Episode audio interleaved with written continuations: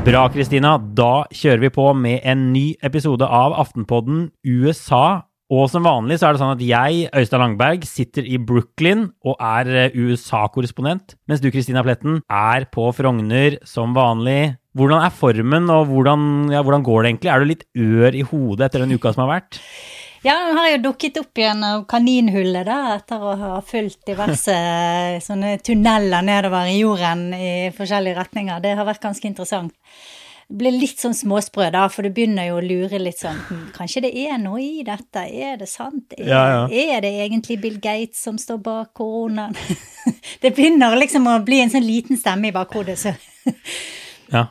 Ja. Litt småsprø og lettere konservativ er, er det man blir etter en sånn uke. Nei, for, for Grunnen til at jeg spør om du er ør i hodet, er selvfølgelig at vi den siste uken har konsumert 49 timer til sammen med amerikanske konservative medier. Eh, vi bestemte oss egentlig for å gjøre det her for å se hva som preget den delen av medielandskapet en helt vanlig uke i mai. Altså, det er helt tilfeldig at vi valgte akkurat den uken her. Eh, Og i den podden så skal vi rett og slett snakke om det, men jeg er enig når man går og hører på disse tingene, og, og liksom Man blir sånn påvirket av det. Eh, Og så kan man få litt nok. Ja, og så er det noe med at du skjønner litt hvordan disse mekanismene fungerer, fordi at du, du hører de samme historiene og de samme narrativene fra litt sånn forskjellige folk, forskjellige vinkler, noen eksperter, og så begynner det å, å liksom brikkene å falle litt på plass, da, og så tenker du sånn eh, at eh, ja, kanskje, kanskje her var noe jeg ikke visste. Så det, du får en ganske Ja. sånn god forståelse, tror jeg, av hvordan folk kan falle ned i disse her, eller falle inn i disse an, parallelle universene, nesten, da, og få et helt annet virkelighetsbilde. Ja. For å forstå dagens USA så må man også forstå disse mediene. Men, men eh, jeg må innrømme at f.eks. kona mi, når vi nå kommer på sjuende dagen med Tucker Carlsen og sånn på kvelden Han er ikke på hver dag, da, men vi, altså når, vi, når vi har sett på Fox hver eneste kveld i en uke, så hun begynner å bli rimelig lei. Så det var litt sånn eh, Det var, var litt laber oppslutning om Fox News mandag kveld. Altså her om dagen. Men, og vi, vi krever heller ikke at alle, alle lytterne skal sitte og høre på Fox, det er derfor vi har gjort det. Eh, og dette skal vi altså da snakke om i denne episoden. Litt hva vi tar ut av, av denne uka, og, og hva det sier om USA anno 2021. Men du, før vi, før vi setter i gang med analysen av det vi har opplevd, så, så må jeg bare si at, at alle de som lytter til oss i nettleseren f.eks., eller andre litt mindre egna steder, så vil jeg anbefale at dere går inn og abonnerer på Aftenpodden i USA i Apple Podcast eller Spotify eller andre steder hvor dere hører på, på pod. Og så tar vi som sagt imot innspill, ris og ros. Enklest å få tak i meg på Instagram. Da heter jeg Oystein Langberg i ett ord. Jeg vet ikke hvordan det er enklest å få tak i deg, Kristina. Kanskje ikke møte opp på døra di? Eh, Kanskje ikke det, men uh, Twitter at Kristina Plett, eller Ja. send meg en e-post uh, kristina.pletten at aftenposten.no. Ja, veldig bra. Du, før vi går i gang med dagens tema, så kan vi snakke kort om hva som har skjedd i USA siden forrige uke. Det er jo sånn at Donald Trump, han har blitt, vært utestengt fra Facebook siden, eh, siden angrepet på Kongressen i januar. Nå har den utestengelsen blitt forlenget med seks måneder av dette uavhengige kontrollorganet til Facebook. Vi vet ennå ikke om den blir helt permanent, men det blir i hvert fall i seks måneder til. Og så er det sånn at Det republikanske partiet de ser ut til å, frata Liz Cheney, som er den mm, tredje mektigste republikaneren i Representantenes hus, ledervervet sitt.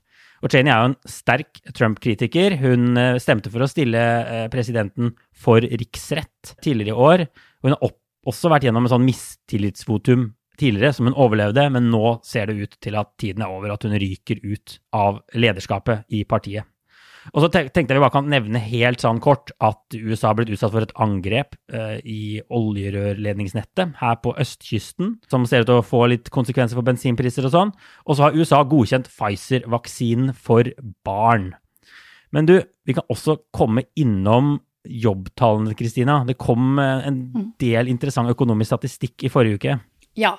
Det kommer tall den første fredagen i hver måned som, eh, som omhandler måneden før, da. Månedens også viktigste tall, kalles det. Månedens viktigste tall, også justerer tallene for måneden før der igjen. Ja. Og det som kom på fredag, var egentlig en liten bombe, fordi at Joe Biden, ifølge Axios, satt klar til å skryte over at han hadde skapt to millioner jobber siden han tok over. Så viste det seg at det var bare omtrent en fjerdedel av de nye jobbene som var skapt i forhold til det prognosene sa det som skulle komme. da. De trodde på nesten en million jobber. Det kom 260 000. Og det er av mange analytikere et tegn på at det er vanskelig å få folk tilbake i jobb. Noen sier de har for mye, får for mye penger fra staten, sånn at det ikke lønner seg rett og slett å gå ut i jobb og ta disse veldig dårlig betalte jobbene da. Andre mener at eh, det vil ta litt tid for bedrifter å ansette folk igjen, at det er mange småbedrifter som har gått konk osv. Så, videre. så det var litt forskjellige forklaringsmodeller på dette her, da. Mm. Dette med økonomi eh, det kan vi komme tilbake til også i, i senere episoder. Det blir interessant å følge med på akkurat hvordan dette går, og hvor raskt disse landene kommer seg ut av korona, koronakrisen. Men du Kristina, nå får vi komme til, til dagens hovedtema, som vi egentlig har gledet oss til å snakke om, som jo er det konservative medielandskapet i USA. Så som sagt, den siste uken har vi da til sammen brukt 49 timer på å lytte til ja, konservative podkaster, vi har lest konservative nyheter, vi har sett på konservative TV-kanaler. Jeg har hatt det på til frokost, lunsj, lyttet til det på løpeturer og sett timevis med, med kveldssendinger.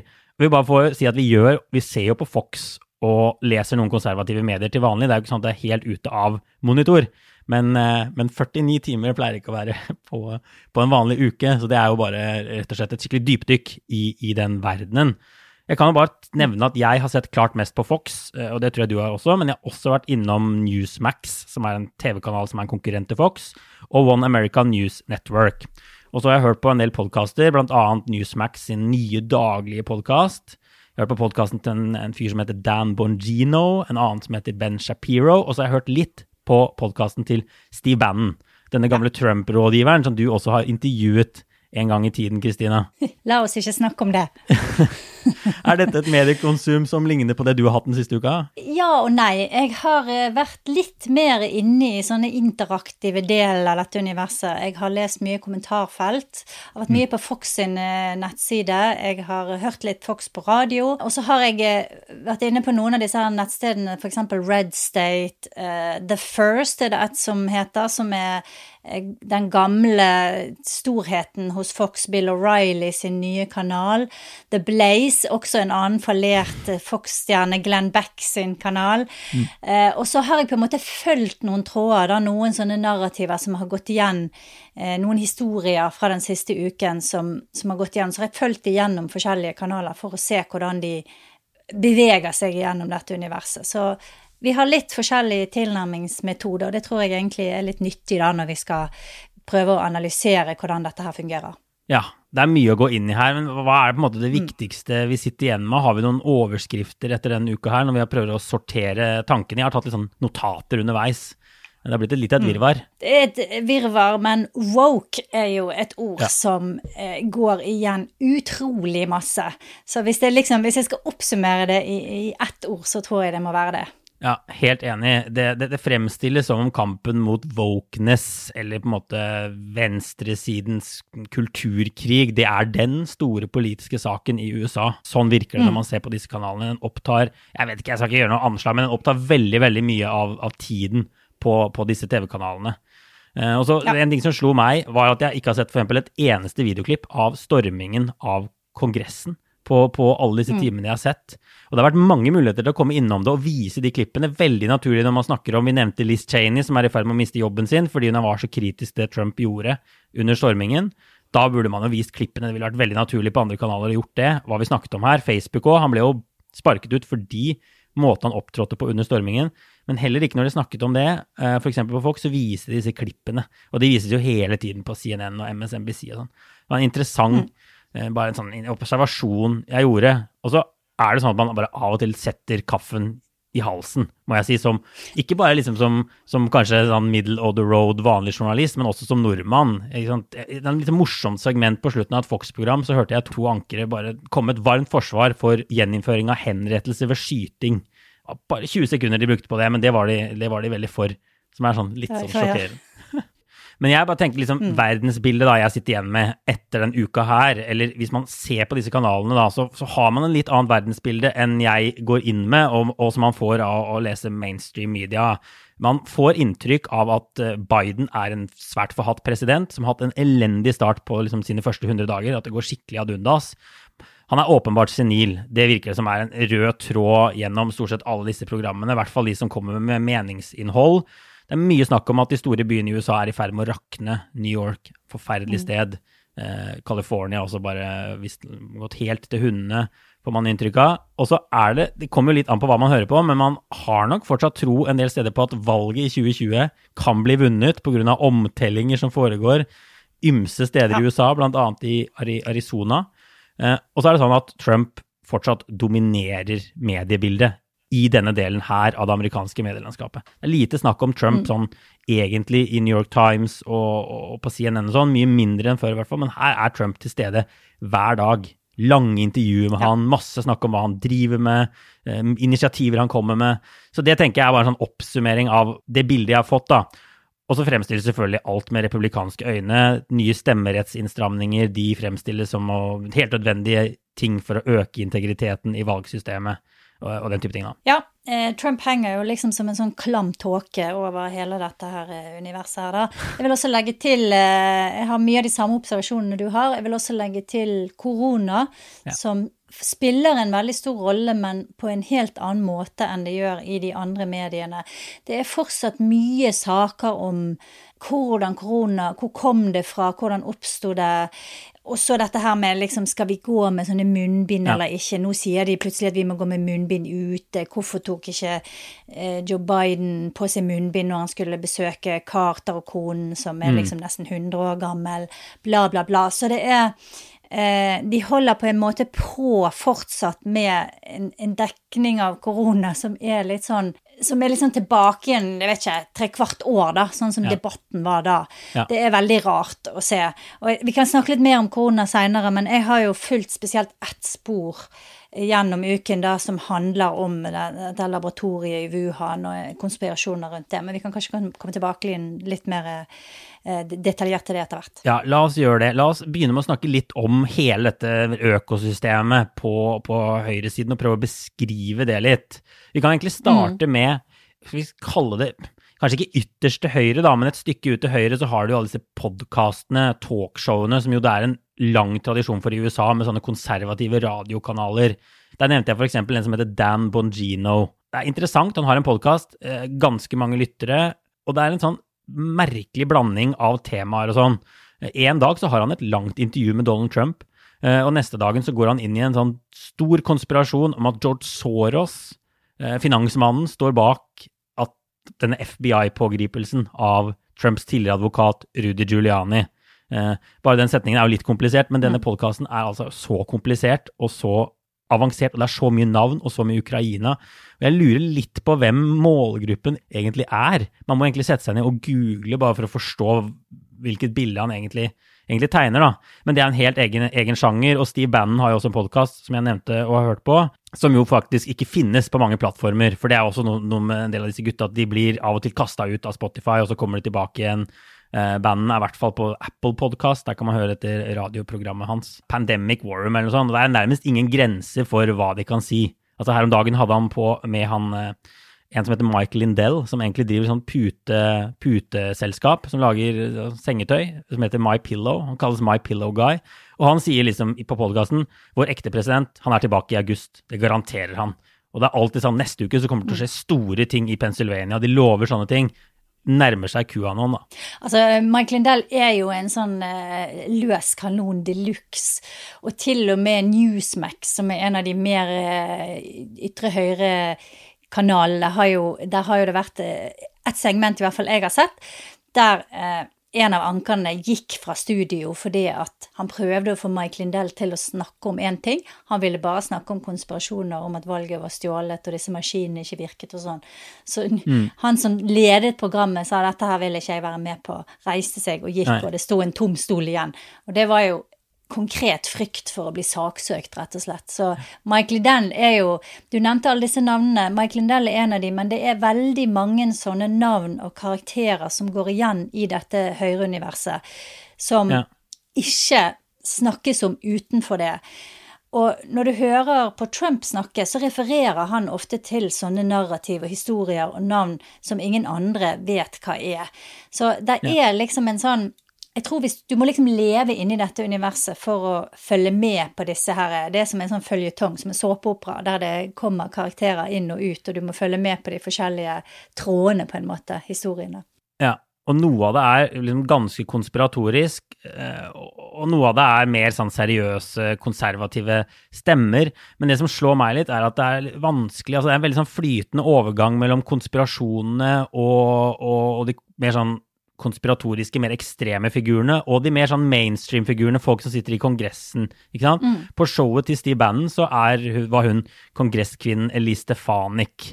Eh, som jo fort kan bli nummer tre, da, få den nye lederjobben i, i, i Huset for republikanerne.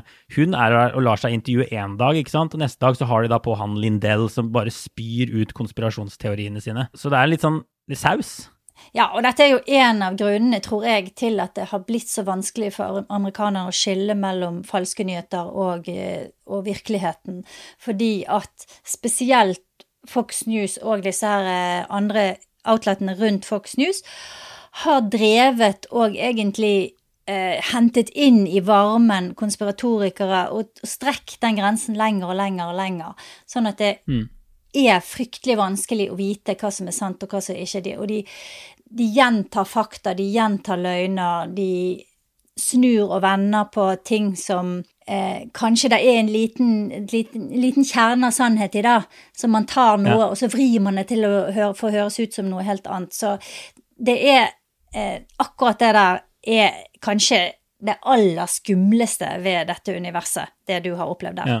Har du hørt på mye podder og sånn? Det er vel egentlig litt av de samme tingene vi har hørt på her. Jeg har hørt på litt podder. Jeg har hørt på noen av disse her Fox News-personlighetene har jo også sine egne podder, så jeg har hørt på noen av de. Jeg har også hørt Ja. på Steve Bannon. Og så har jeg lest en del på noe som heter Red State, som er en litt sånn Noen ganger er de litt Trump-kritiske, noen ganger ikke. Uh, The Federalist er en annen, et annet nettsted. Breitbart uh, et tredje. Og så har du jo noen av disse her som er litt mer sånn, kan vi si seriøse, kanskje. Eh, Du har noe som heter Washington Free Beacon, New Republic, National Review, som er litt mer sånn skal være litt mer intellektuelle, da, men har ofte de samme tingene. For eksempel Washington, uh, unnskyld, American Thinker, som er en sånn eh, eh, slags nettsted som, som selger seg selv som en slags sånn intellektuelt alternativ, men som har en sak om en eller annen ansatt i Teen Vogue som har gjort noe som, som skal være så woke, men som ikke er det. Så de, de driver alle sammen og pusher det samme narrativet, enten de er liksom langt, langt ute i konspiland, eller de tilsynelatende er en, eh, en, eh, et, magasin, et seriøst magasin. Mm. Ja. Vi får bare snakke litt om TV-kanalene. og En ting er jo poddene. De når nok ut Det er ikke alle disse poddene som har så mange lyttere, men til sammen så når de nok ut til ganske mange. Noen av disse radioprogrammene er jo veldig populære. Så jeg tror definitivt det er en viktig innflytelse. Men, men kongen av konservative nyheter er jo Fox News. Og Fox News er jo i konkurranse med Newsmax og One America News Network, som gjerne kalles OAN. Det er jo en debatt om Fox vil klare seg mot disse, for de utfordrer Fox fra høyre. Jeg må jo si at liksom Fox er ganske bra på sitt beste. Altså, Fox kan ha veldig sånn interessante debatter. De har en del demokratiske stemmer. De har noen moderate stemmer i noen av debattene sine, eh, og kan liksom utfordre vedtatte sannheter og gi litt mer bredde, nærmest, enn andre steder. Mens jeg tenker sånn Newsmax og OAN er enda mer sånn safe space for konservative. Der har jeg kn hørt veldig få sånne demokrater som kommer på for å liksom utfordre narrativ eller nyhetene eller prøve å sette folk på plass. Fox News er jo den største nyhetskanalen, større enn både CNN og MSNBC i USA. De har masse ressurser, og de, i, i utgangspunktet så skulle de være en kanal der om dagen så skulle det være rene nyheter, nyhetsprogrammer. Og så om kvelden så skulle det være sånne mer subjektive programmer der du har en en kjendis eller en vert som sitter og analyserer litt og har gjester, og, og ha, som har en mer sånn åpenbar vinkling. Ja. Men så har dette sklidd litt ut etter hvert, og særlig under, i Trump-perioden så sklei det litt ut, fordi at de, de, begynte å bli mer politisert også på dagtid. Men Fox har et utrolig bra apparat ute i USA, så de samarbeider med masse, masse lokale stasjoner. Så når det skjer breaking news, så er det ingen som er bedre enn Fox News. Og de har fortsatt, syns jeg, bedre nyhetsinnhold på mange ting enn det f.eks. CNN har. CNN er nesten bare folk som sitter og snakker med hverandre. De samme folkene, uansett hva det dreier seg om, mm. så er det de samme trynene som sitter og mener noe om det. Da. Så, så Fox News har gode folk, de har masse ressurser, men det er jo kanskje noen stemmer og noen perspektiver som har fått litt for mye makt de siste årene, og særlig i løpet av Trumps periode. Ja. For, eh, altså, en ting er liksom hva Fox er, en annen ting er jo om de klarer seg i konkurransen med, med Newsmax og OAN. Og jeg må jo bare si at altså, foreløpig så er jo Fox liksom vesentlig bedre bare sånn TV-teknisk. Newsmax Oen har mye mer sånn norsk lokal-TV-fil over seg. Det er dårligere farge, mm. det er ofte dårligere lyd. Det er liksom, jeg tror det er ganske vanskelig å lage god TV, både innholdsmessig og sånn teknisk. Og det bærer nok mm. de kanalene der litt preg av. De har en god del følgere og sånn, men jeg, sånn det ser ut for meg nå, så, så klarer Fox å holde unna for de konkurrentene. Men de, klart, de, må, de, må, passe seg. Jeg tror de har innført mer meningsinnhold i Fox. De har jo veldig mye, de har mye meninger på morgenen, men Fox and Friends der er det ganske sånn, den er ganske meningstungt, det, det morgenprogrammet deres. Og så er det en sånn lang rekke med folk da, utover kvelden. Tucker Carlson, en av de mer kjente, Sean Hannity. Men de har også flere sånne, sånne meningsprogrammer. Og det er nok for å demme litt opp for den konkurransen fra, fra fra ytre høyre, da, fra høyre, på høyreflanken. Mm. Ja. Og så er det jo sånn at uh, Fox News er eid av Murdoch-familien fra Australia. Mm.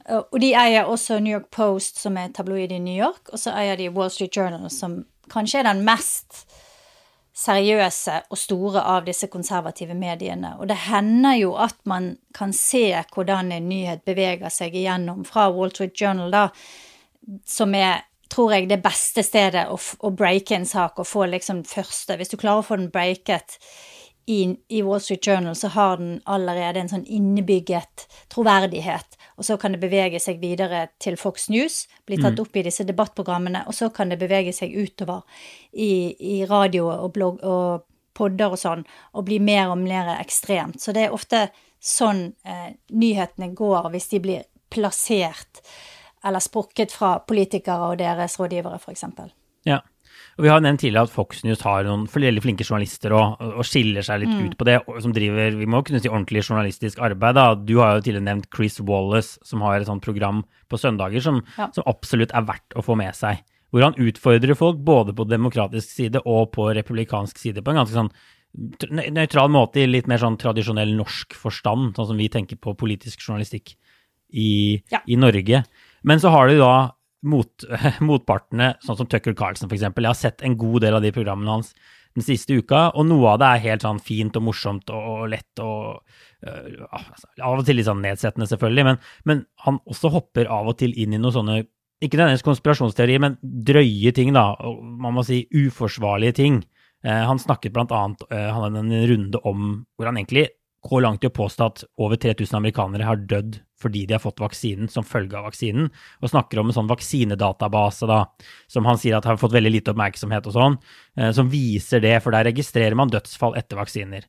Eh, og når man ser det, så, så virker jo dette som liksom sjokkerende breaking news. Og noe av problemet er at liksom, det krever ganske mye tid å gå dette etter i sømmene. Da måtte jeg sette meg ned og begynne å google hva er denne databasen. Så viser det selvfølgelig at det har vært masse faktasjekker og skriverier om den databasen. Og de fleste mener at dette er ikke noe å være bekymret over. Det er veldig mye oppmerksomhet rundt vaksinasjoner og det som skjer etter vaksiner nå. Man registrerer nærmest rubbel og bit av alle som blir vaksinert, og mange flere blir vaksinert enn i et vanlig år. Og den databasen inneholder antageligvis veldig mange som har dødd og ville dødd uansett, men har gjort det da i ukene etter de har fått vaksinen den, all den konteksten mangler i Tucker Carlsens program. Han stiller bare masse spørsmål, han. Hvorfor har vi ikke hørt noe om det her, ikke sant? Det, det var det jeg mente i sted, jeg sier at de tar gjerne noe som har en eller annen kjerne av sannhet. Eh, som, har, som Det er ikke liksom tatt helt ut av luften, men det fremstilles på en måte som gjør at du kan oppfatte det veldig feil, da. Og jeg har fulgt en sak gjennom denne uken som begynte med eh, et innlegg i en sånn journal som heter Bulletin of Atomic Scientists, en veldig snever vitenskapsjournal. Der det er en mann som heter Nicholas Wade, som har skrevet en lang artikkel om at eh, korona, han mener koronapandemien mest sannsynlig kommer fra dette her laboratoriet i Wuhan som studerer virus. Ja. Og så har selvfølgelig konservative medier grepet fatt i dette her, og det er blitt gjenfortalt forskjellige steder. Wall Street Journal kjører en kronikk der det er en som tar fatt i det Wade eh, skriver, og populariserer det på en måte, forenkler det, sånn at det høres litt mer ut som at dette er noe som er sannsynlig, og noe som nesten var planlagt, ikke sant? Så går du videre til Fox, og de skriver at viruset har un unnsluppet by accident, og så har de accident i sånne klammer. Mm. Eh, så der begynner de allerede da å vri på historien til sånn ok, ja, dette var jo under, under Mellom linjene så sier de egentlig at dette, dette blir gjort med vilje, ikke sant. Og så går du ned i kommentarfeltet, og så ligger det bare tusenvis av kommentarer om at dette ble gjort for å, for å stanse Donald Trump. Sant? Dette var Kineserne slapp dette viruset med hjelp av Joe Biden og Anthony Fauci, altså han eh, smittevernsoverlegen. Ja. Eh, de planla denne pandemien for å stanse Trump, for å ta ned Donald Trump. Så har det kommet frem at National Institutes of Allergy and Infectious Diseases, altså det som Fauci ledet, de ga noen penger til noe forskning der også noen av de pengene har gått til denne laben i Wuhan. Ja. Og etter hvert så blir den historien også at det var Fauci som ga penger til denne laben, sånn at de skulle slippe ut dette viruset og dermed skape en pandemi, og dermed stanse Trump. Så sånn eh, beveger da en sånn sak seg gjennom disse ja. her eh, forskjellige mediene. Og det er klart at folk som sitter og hører på dette her og ser på dette dag ut og dag inn, de, det er den konklusjonen de kommer til, ikke sant? At dette mm. var Anthony Fauci og Joe Biden som gjorde med vilje ved hjelp av kineserne.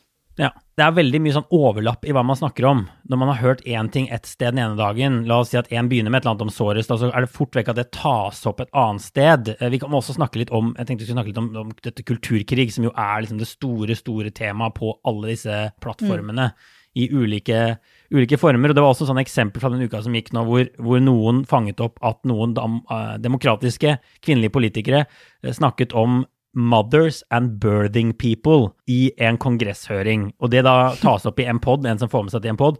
Og i løpet av noen dager så er dette birthing persons, birthing people, et ord som er overalt, hvor man da hevder at liksom demokratene skal avskaffe mor som, som, begrep, som konsept, og man skal heller ha liksom det nøytrale, kjønnsnøytrale birthing persons, og så er det masse sånn skriveri rundt det i alle disse kanalene. Et annet eksempel er en reklame fra CIA, eller det er flere reklamer der de presenterer noen av sine ansatte, og der noen av disse da er folk som er homofile, eller en som sier hun er intersectional. Mm. Eh, og særlig den siste der da har fått utrolig mye oppmerksomhet. Ja og den ene etter den andre har kastet seg på, eh, på Fox og andre steder og er sånn Er dette spionen som skal liksom forsvare landet vårt? Eh, disse her snowflakene, ikke sånn klagete folk som bare bryr seg om identitet. Så der har de også skapt et sånt narrativ som ruller og går, og der eh, man kan trekke opp og, og koble sånn CIA og hemmelige tjenester, demokrater og woke-kultur i én smørje og gjøre det til noe som, som, alle på en måte kan hate og synes er forkastelig. Ja. Og det som er interessant å se, at de snakker jo ikke nødvendigvis om dette i timevis på hvert program, men hvert eneste program snakker om det i fem minutter. Så det, du, du, får det igjen igjen og igjen mm. gjennom hele dagen. Sånn var det også med at du nevnte så dette bildet av Joe Biden på besøk hos eh, tidligere president eh, Carter, også blitt snakket om i dagevis. Man, man, trekker alltid opp det bildet, enten så er det fordi de er så, så rare altså, proporsjoner på bildet, det var veldig pussig sånn vidvinkel eller noe som var brukt, men også det at han ikke har, mask, mm. ikke har munnbind inne, han har munnbind ute. Da snakker man om det hele dagen. Det tar bare opp så utrolig, utrolig mye tid. Spring? Is that you? Warmer temps mean new Allbirds styles. Meet the Super Light Collection, the lightest ever shoes from Allbirds, now in fresh colors. They've designed must have travel styles for when you need to jet. The lighter than air feel and barely there fit makes these shoes some of the most packable styles ever. That means more comfort and less baggage. Take the super light tree runner on your next adventure. Its cushy, lightweight foam midsole supports every step, and the extra outsole traction gives you the grip to just go for it. The eucalyptus fiber upper adds next level breathability to keep you going all day. Plus, the super light tree runner is comfortable and ready to go right out of the box. So, what can you do in a super light shoe? What can't you do is the better question. And because they're super packable, the real question is where are you taking them? Experience how Allbirds redefines comfort. Visit allbirds.com and use code SUPER24 for a free pair of socks with a purchase of $48 or more. That's A L L B I R D S dot com, code SUPER24.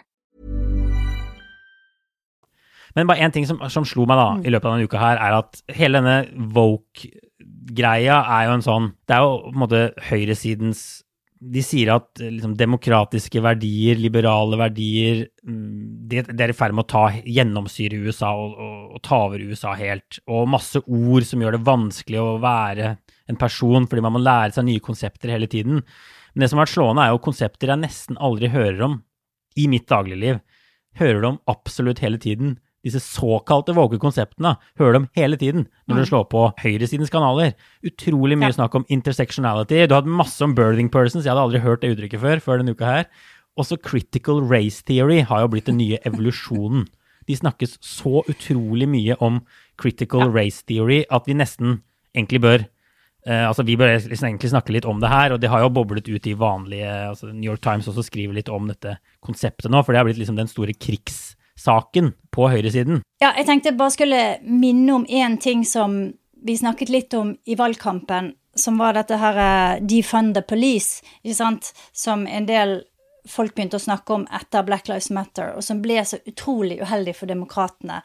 Og jeg tenker hele den der debatten rundt Black mm. Lives Matter, rundt identitet, har Biden-regjeringen vært veldig flinke til å unngå. De bruker aldri sånne ord. De, de prøver liksom å ikke gi noe som helst eh, triggere som den andre siden kan gripe fatt i, da. Men resten av partiet er jo ikke like flink til det, så det blir veldig lett en sånn, hva skal jeg si, en slags sånn stillingskrig, da der egentlig det eneste man snakker om, er sånne oppkonstruerte ord og eh, verdier. Ja, og vi nevnte jo critical race theory. Det er jo i ferd med å bli en sånn sekkepost man kan putte alt mulig rart inn i. og man jeg tror det er veldig sånn uklart hva man egentlig diskuterer når man diskuterer critical race theory. Altså, mm. En definisjon av det er jo at, liksom, at det er Critical race theory sier at liksom systemisk institusjonell rasisme, det er en del av samfunnet. Gamle rasistiske lover som fantes i USA, de preger fortsatt samfunnet i dag. Det er én definisjon av det. Mens konservative kaller det marxisme. De sier at dette er den egentlige rasismen, og begynner å dele folk inn i båser og, si at, og snakke om hvitt privilegium og de tingene der. da. Og de er fryktelig redd for at dette skal liksom gjennomsyre skolehistoriefaget, og folk skal lære å hate sitt eget land. ikke sant? Det er det de sier.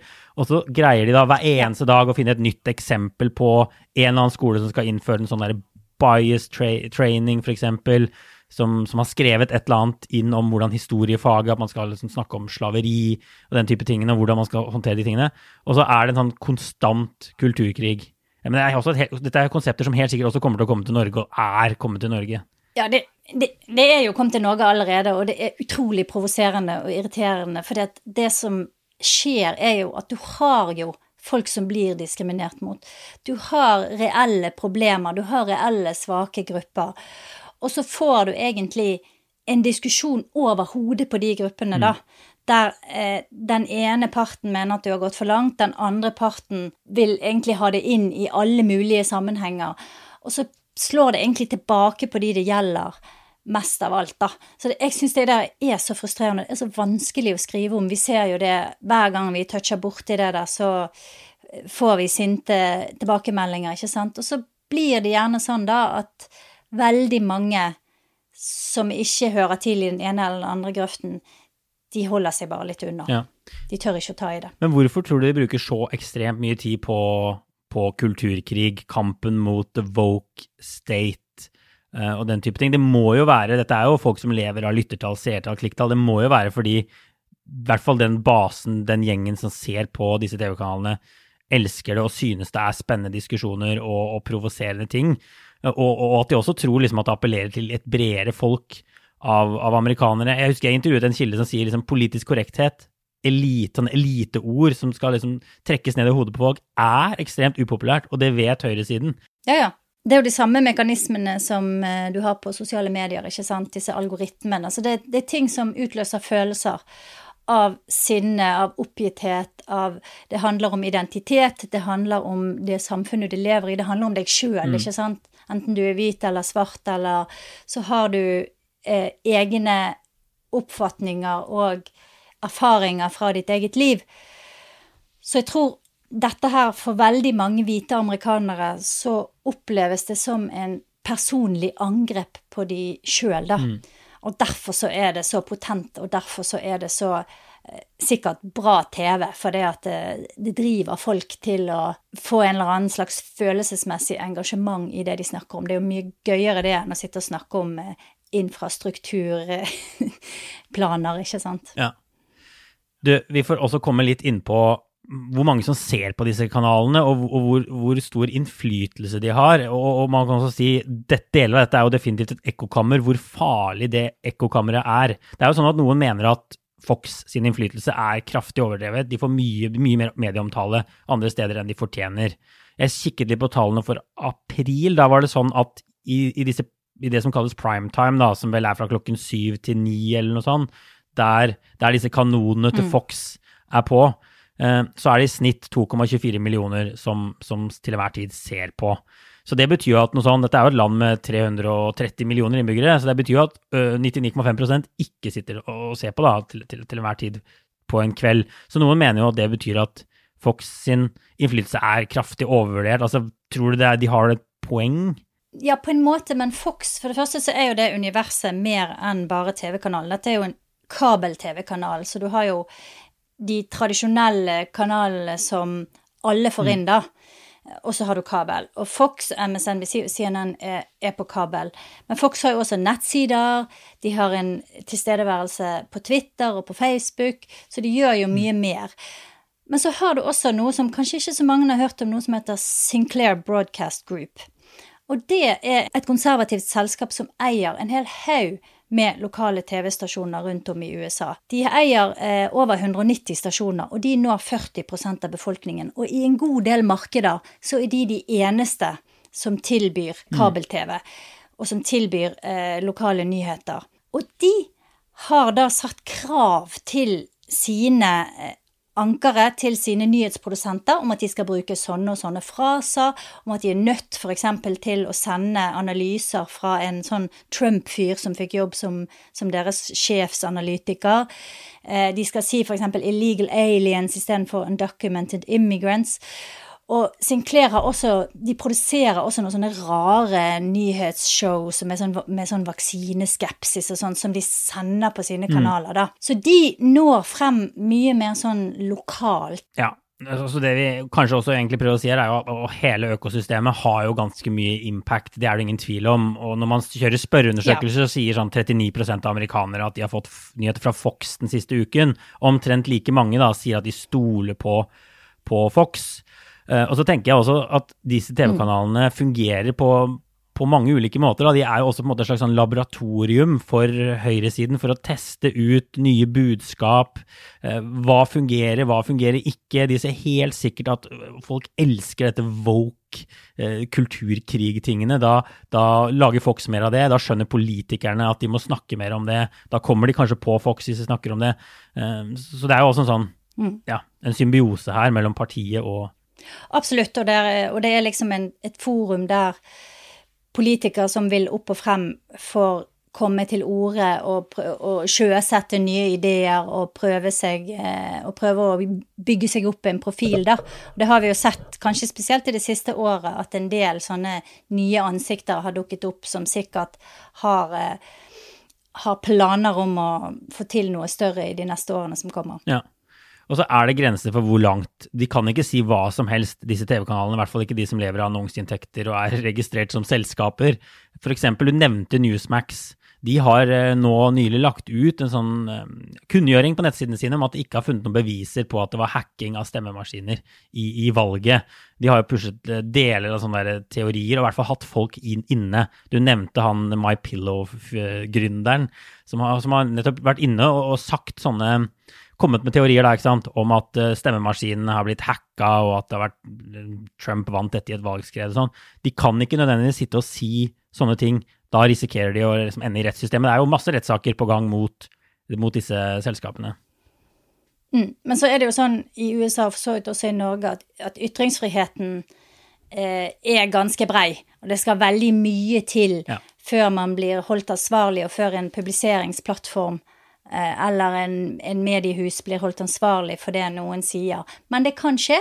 Eh, ingen kan gå ut i Aftenposten eller på NRK og si hva som helst om en annen person uten at det kan få, få konsekvenser. Det samme er i USA, sant? og særlig hvis du, hvis du, hvis du sier noe som beviselig er en løgn, og som kan få konsekvenser f.eks. For, for dette selskapet som lager sånne stemmemaskiner, da, som har saksøkt en hel rekke personer, som har spredd usann informasjon om de, som helt klart kan, kan påvirke rett og slett deres business. Hey, I'm Ryan Reynolds. Recently, I asked Mint Mobile's legal team if big wireless companies are allowed to raise prices due to inflation. They said yes. And then when I asked if raising prices technically violates those onerous two year contracts, they said, What the f are you talking about, you insane Hollywood ass? So to recap, we're cutting the price of Mint Unlimited from $30 a month to just $15 a month. Give it a try at mintmobile.com slash switch. $45 up front for three months plus taxes and fees. Promo for new customers for limited time. Unlimited more than 40 gigabytes per month. Slows. Full terms at mintmobile.com.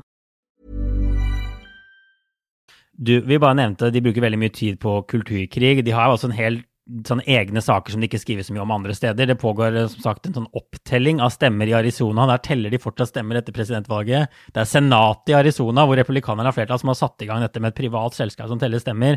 Litt sånn veldig sånn, Dette snakkes jo mye om på, på høyresiden, dekkes veldig lite andre steder. Men det, det jeg tenkte vi skulle spørre om, er liksom, risikerer de å gjøre seg litt sånn irrelevante? Altså, De snakker lite om Bidens infrastrukturplan, de bare kaller han en sosialist og sier at han vil bruke altfor mye altfor mye penger. Samtidig så ser amerikanerne at økonomien går jo sånn jevnt og trutt mye bedre. altså At de rett og slett ikke dekker det som egentlig preger, preger folks liv fra dag til dag. Er det et problem, tror du, for disse kanalene?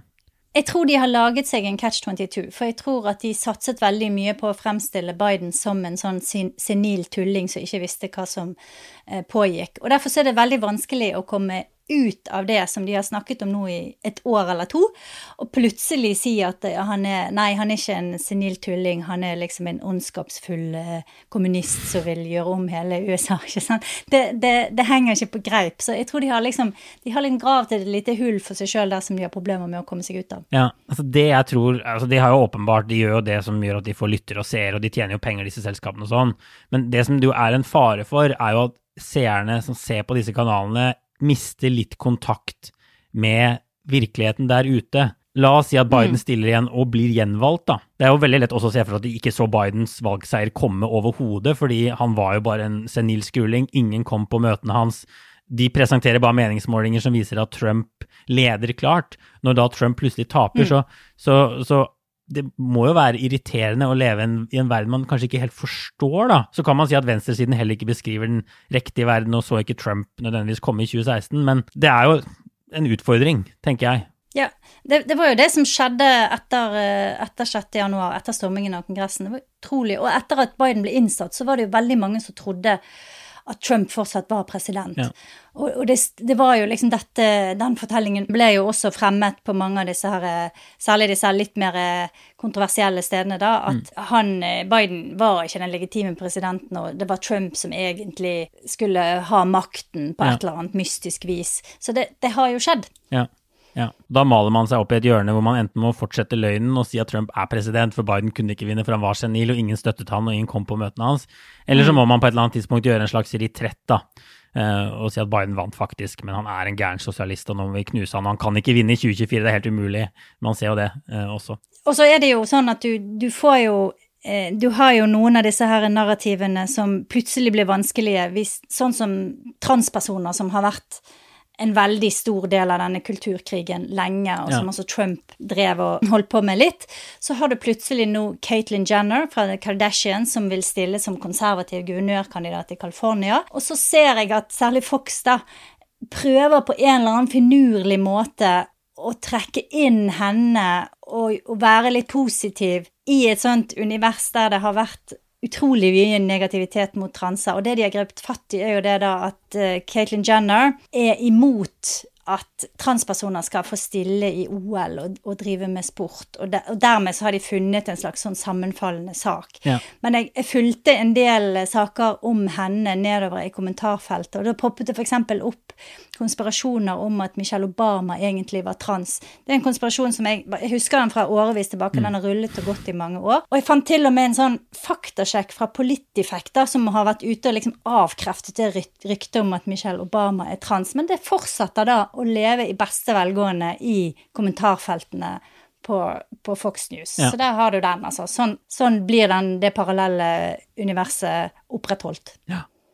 Bra. Du, vi har snakket mye om, om høyresiden nå. Jeg tenker at neste uke så, så er det på tide å snakke litt om det som jo kalles mainstream media, som vi er en del av, og litt om hvordan CNN og MSNBC og disse andre nyhetskanalene demmer opp for Fox. Noen mener at de er i ferd med å bli varianter av Fox selv. Eh, Men det kommer vi tilbake til. Det er også en, en kjempeinteressant debatt, og du har bl.a. intervjuet eh, sjefredaktøren i Washington Post nylig om disse tingene. Så det, det tenker jeg vi rett og slett bare garantere at med mindre det skjer noe helt enormt annet i USA, så snakker vi litt mer om medier neste uke, men om mainstream og det forholdet mellom om høyre- og venstresiden, for der er det definitivt fallgruver å gå i. Men du, til slutt, la oss ta en liten runde med obligatorisk refleksjon for å, for å senke, senke pulsen litt. Du, jeg har eh, bare tull i min, eh, min refleksjon denne uken. Eh, Elon Musk var gjest på Saturday Night Live, og veldig mye av sketsjene kan du se f.eks. på De legger det ut på Twitter og sånn. Og der var det en helt Ja. fantastisk parodi på denne her Mare of Easttown, som er en sånn eh, krimserie som går på HBO med Kate Winslet, som de har laget en parodi på som heter Murder Durder, for det er sånn de snakker i, i den delen av Pennsylvania der, eh, der denne her serien kommer fra, da. Og den er bare helt hysterisk morsom. Og så er det jo også en annen sketsj der Elon Musk snakker faktisk om noe som heter Dogecoin, som er sånn cryptocurrency, som egentlig er basert på et sånn internettmeme og var visst bare startet som tull, men har blitt en selvfølgelig en sånn mange milliard business, da. Men han sier da liksom på tull under, set, eh, under sendingen at, at det er en hustle, altså at det bare er en, eh, noe svindleri. Og idet han sier det, så faller verdien på Dogecoin med 20 ja. Så det er jo Ja. Jeg har tenkt mye på det, altså hvor absurd eh, verden har blitt, rett og slett. Absurd verden, men da kan man se noen klipp fra Saturday Night Live med Elon Musk, er det du anbefaler. Jeg så den videoen du sendte over Murder Jurder. Jeg skjønte ingen verdens ting av det, for jeg har aldri hørt om det. Jeg ser, ikke på, jeg ser ikke disse krimseriene, Ah. men, så det må jeg begynne å gjøre da. Ja, Men hvis man har det, så tror jeg man syns det er morsomt. det er veldig morsomt. Og så var det andre deler av, av Elon Musk-tingene Musk-tingene som var morsomt. Så ja, verdt å se. Du, min OR er, handler rett og slett litt om lokalaviser, som vi ikke har snakket noe om i dag. Eh, men det var et sånt forskningsprosjekt hvor The Desert Sun i Palm Springs i California bare fjernet nasjonal politikk fra disse meningssidene sine. Eh, De har masse sånne innkjøpte nasjonale kommentatorer og sånn på kronikksidene sine, disse lokalavisene. Men de prøvde en sommer å bare fjerne det og bare fokusere på lokale saker, politikk og andre ting som angikk lokalmiljøet.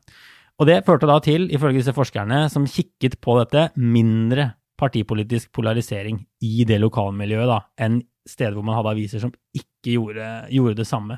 Så de mener det viser at å fokusere på lokale saker, bread and butter kan man kanskje kalle det, eller sånn ting som angår deg veldig nært, er mindre polariserende og kan dempe polariseringen i USA enn svevende nasjonale debatter. Det er veldig interessant, fordi at jeg leste nettopp en studie om Sinclair Broadcasting, som jeg snakket om i sted, og at de Ja. eh, kjørte inn mye mer nasjonal politikk når de kjøpte en kanal, da. Så var det liksom 25% mer nasjonal politikk, og da skal man jo også tro at det skaper mer polarisering i de markedene der de eier. Ja, og det er jo veldig naturlig å tenke at det stemmer. Når, det er jo veldig sånn gjennomsyret av nasjonal politikk, og nesten alle har en mening om Donald Trump eller Biden i de nasjonale spørsmålene, men ofte så kan jo lokalpolitikk være mye mindre ideologisk, og, og mye altså skal du fylle det hølet borti veien, eller skal man Mm. stenge den skolen eller barnehagen? Og da er det jo helt sikkert mye mer overlapp mellom republikanere og demokrater. Det er veldig vanskelig å liksom vite hvor de nødvendigvis faller ned og sånn. Så det var bare interessant. Men det kan godt hende at nasjonalpolitikk klikker bedre, gjør folk sintere, eh, og at avisene fortsatt vil fortsette med det, da. Men det var i hvert fall en interessant lærdom fra California. Jeg tror vi får sette strek, Kristina. Nå blir det en uke med detox. Mm. CNN. 50 timer CNN. Nei, jeg tror ikke det blir CNN for meg. Nei. Men uh, NPR for eksempel kan vi snakke litt om. For det at USA har jo Public public Radio, radio, ja. som er fantastisk bra, så, Ja. og som kanskje ikke så mange kjenner til. Så vi skal nok Nei. eh, klare å overraske dere litt uh, neste uke også, tror jeg. Strålende. Da sier vi takk for denne gang, og så høres vi igjen om en uke. Ha det bra.